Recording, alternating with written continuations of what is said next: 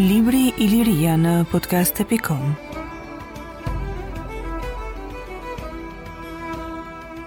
Amantia nga Skënder Anamali Në juglindje të Vlorës, sapo hyn në luginën e Shushicës, të tërheq vëmendjen midis kodrave që shtrihen në këmbët e malit të Kudhësit, Një majë shkëmbore e vetmuar, e cila ngrihet lart si një kon i madh. Një majë tjetër shkëmbore përsëri në këmbët e malit të Kudhësit shihet nga lindja, duke ardhur nga Tepelena. Të para së afërmi, të dyja majat shkëmbore formojnë një kreshtë e cila zgjatet gati një kilometër me drejtim verilindje jugperëndim. Kuota më e lartë e saj është 613 metra mbi nivelin e detit, dhe ndodhet në skajin verilindor. Mbi këtë kreshtë dhe përreth saj janë të shpërndara shtëpitë e fshatit Ploçë. Në këtë kreshtë dhe poshtë saj, bashkë me disa trakte muresh rrethuese, ruhen rrënoja të ndryshme të një vendbanimi të lashtë. Punimet bujqësore herë pas here kanë nxjerrë në dritë monumente e materiale të ndryshme arkeologjike. Muret rrethues që shihen ende në këmbë monumentet e zbuluara në gërmimet, sendet e ndryshme që dalin në dritë, të gjitha janë mbeturina të qytetit ilir Amantia. Amantia u zhvillua si qytet në kodrën e lartë dhe tarracat e saj.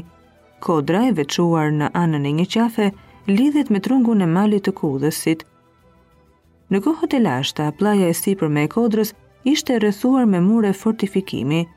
Qyteti i lashtë u zhvillua jashtë këtyre mureve, përreth Akropolit. Kjo ka bërë që qyteti Amantia të mos kishte pamjen e zakonshme të qyteteve ilire. Godinat dhe banesat e tjera u ngritën në sheshet e tarracat e mëdha të sajuara, të zgjeruara dhe të forcuara me mure në anë të ndryshme të kodrës. Këto sheshe dhe tarraca kanë lartësi të ndryshme.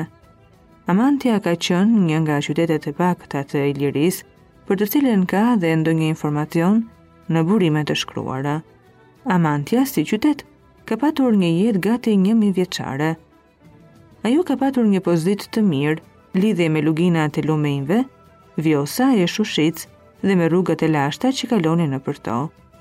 Ky pozicion bëri që Amantia të transferohej në një nyje të rëndësishme në marrëdhëniet tregtare midis bregdetit jugor të Ilirisë dhe krahinave të brendshme, sidomos të viseve jugore dhe jugperëndimore, duke përfshirë edhe një pjesë të Epirit verior, të cilat të veçuara nga malet lidheshin nëpërmjet luginës së Vjosës me Apolloninë.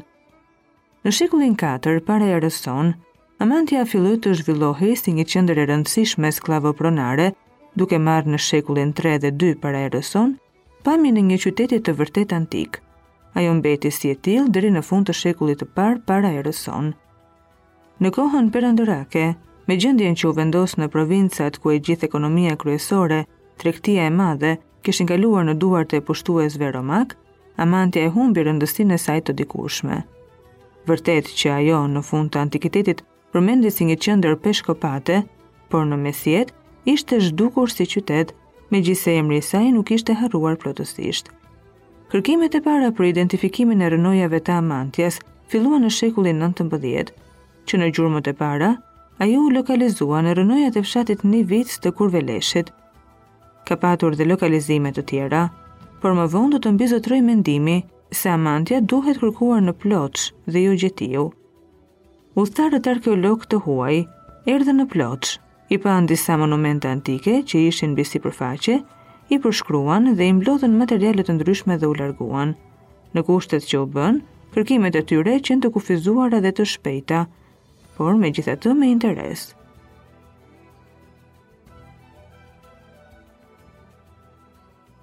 Në rrënojat e Amantias, kërkimet dhe gërmimet sistematike filluan pas çlirimit. Ata treguan se qyteti ilir Amantia, me gjithë pozitën malore të tij, ka qenë një qendër e rëndësishme e kësaj krahine të Ilirisë së Jugut, dhe, për një kohë mjaft të gjatë, Ka patur një ekonomi e shoqëri të gjallëruar dhe një kulturë materiale dhe shpirtërore të përparuar. Në këtë punim janë paraqitur disa monumente dhe gjetje arkeologjike të zbuluara në Ploçë. Duke u mbështetur në këto zbulime, janë trajtuar tema të tilla që lidhen me kulturën materiale, monumentet e arkitekturës, me kultet, organizimin administrativ e të tjerë. Nuk mund të thuhet se të dhënat që disponojmë sot japin një pamje mjaft të plotë të këtij qyteti ilir. Kjo do të jetë detyra e kërkimeve dhe studiuesve të ardhshëm, sikurse do të jetë dhe një trajtim i të dhënave dhe i zbulimeve të deritanishme. Në një kuadër më të gjerë dhe në lidhje me qendrat e tjera qytetare ilire.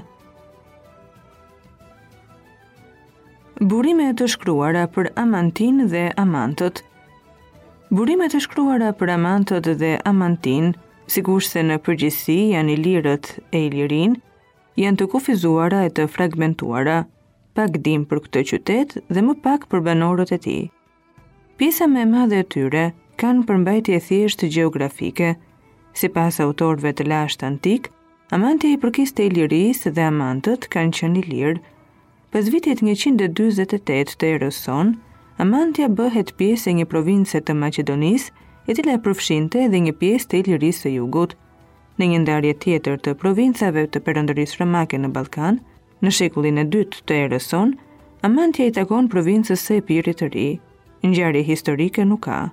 Na kumtohet se Amantia u bashkua me Cezarin në luftën kundër Pompeut, ose se shumë shekuj më vonë, nën muret e saj të rindërtuara nga Justiniani, ushtria bizantine luftoi kundër saracenëve.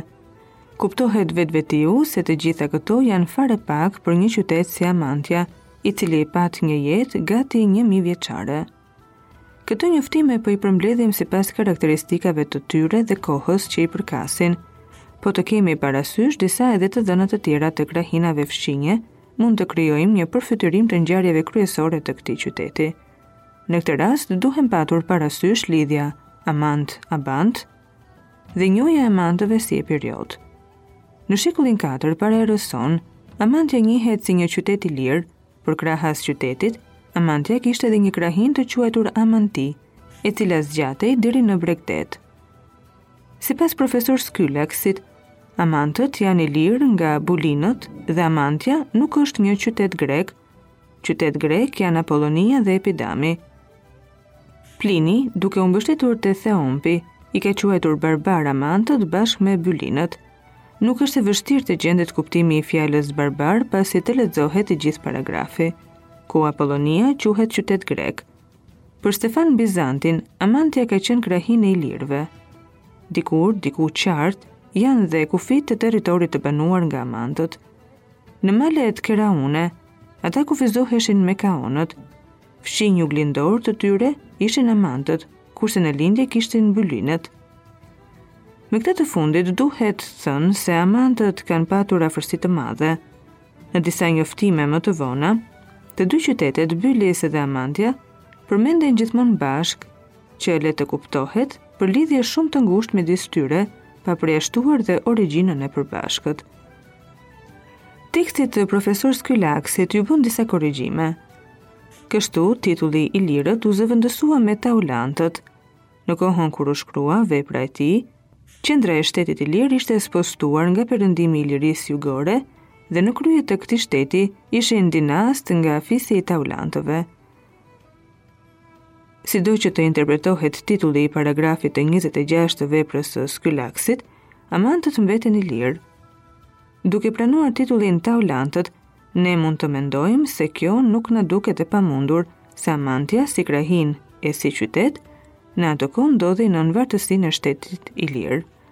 Ngjarje të tilla si kalimi i qyteteve Apollonia e Dyrra nën vartësinë e shtetit ilir dhe vënia e Pirros me forcën e armëve në fronin mbretëror molos, nga mbreti ilir Glaukia, e përforcojnë këtë mendim. Me dobësimin e shtetit ilir, me fuqizimin e shtetit të Epirit, në kohën e sundimit të Pirros, Amantia hyri në përbërjen e shtetit të Epirit. Këtë ngjarje me sa duket ka patur parasysh Antigoni, që e përmend Amantinë në veprën e tij kushtuar përshkrimit të Maqedonisë dhe Prokseni, bashkëkohës i Pirros, i cili i radhit Ambantët, me kuptimin Amantët, në listën e fiseve epirote. Për këtë arsye, disa shekuj më vonë, sigurisht duke u mbështetur në burime të tilla, Hezihu do t'i quante amantët epirotë. Për dy shekuj me radhë, burimet për Amantinë heshtin. A duhet menduar se Amantët ishin ende nën vartësinë e shtetit të Epirit dhe deri kur zgjati kjo gjendje? Ka shumë të ngjarë që pas vitit 268 para erës sonë, Amantia të jetë bërë e pavarur, duke filluar dhe prerjen e monedhave me emrin e banorëve të saj. Amantia mbeti e pavarur edhe më vonë. Këtë e vërteton edhe fakti që Amantia është në listën delfike të Threokëve, të datuar në vitet 220-189 para erës sonë. Në burimet e shekullit të parë para erës sonë, Amantia përmendet si një qytet i Ilirisë së Jugut bashkë me Apolloninë, Bylusin e Orikun. Amantia jetoi me ngjarjet që u zhvilluan në këto vise në kohën e luftërave civile të Romës. Por asgjë më tepër veçse qëndrimit që qyteti mbajti kundrejt dy palëve ndërluftuese, në fillim në luftën midis Çezarit dhe Pompeut dhe më pas midis Antonit dhe kundërshtarëve të tij. Në lidhje me territorin e Amantias dhe shtrirjen e saj në bregdet, janë me interes pa dyshim të dhënat e Skylaksit e të Ptolemeut. Në paragrafin e përmendur thuhet se Amantia kishte një rip toke të gjatë 60 stade. Sipas disa dijetarëve në këtë bregdet, kishte një qytet i cili nuk ishte qytet i brendshëm. Për ekzistencën e dy amantive kumton edhe Ptomeleu, një qytet në brendi të vendit dhe për një skelë që del në det. këto dy njoftime, si dhe njoftimi i Lykofronit për një qytet bregdetar dhe lidhja e tij me Abantët, i ka dhënë shkas diskutimeve të ndryshme dhe ka bërë që të shkruhet natyrisht në mënyrë të gabuar për dy qytete Amantja. Në duket se duhet të pranojmë që si Amantja dhe Bylisi kishin nga një korridor të ngushtë në breg të detit dhe një liman, më në veri Bylisi dhe më në jug Amantja. Në disa burime të shkruara të autorëve antikë në lidhje me qytetet e Ilirisë jugore, janë ruajtur legjenda të udhëtimeve të grekëve, të cilat amantët i bëjnë abantë, bylinët i bëjnë murmidonë dhe orikët kolkë. Konfuzioni midis amantëve dhe abantëve nuk është aq i thjeshtë. Lykofroni në poemën e tij, Aleksandra, e ka sjellë Elefenorin kryetarin legjendar të abantëve në tokat e Amantisë, por pa identifikuar abantët me amantët. Banorët e krahinës së maleve Keraune, pra fqinjë të amantëve, i ka bërë abantët Apollon Rodi. A duhen me të vërtetë të lidhen e të identifikohen amantët me abantët e Eubesë dhe ku gjendej qyteti i abantëve Thronion? Këto kanë qenë dy pyetje të cilat studiuesit janë orvatur t'i sqarojnë. Në qoftë se pranojmë ekzistencën e një qyteti Thronion, në Ilirinë e Jugut, duhet dëshmi arkeologjike për ta provuar, por ato tani për tani mungojnë. Nuk mund ta lidhim Threonin me Amantinë e vonshme, por duhet ta kërkojmë më afër maleve Keraune, në afërsi të detit dhe të qytetit Orik. Si vend më i mundshëm për një lokalizim të Threonit është kalaja e Kaninës, në muret mesjetare të së cilës janë parë gjurmë të ndërtimit antik. Ndoshta, këtë do ta bëjnë edhe më të qartë gërmimet arkeologjike që kanë filluar tani së fundi.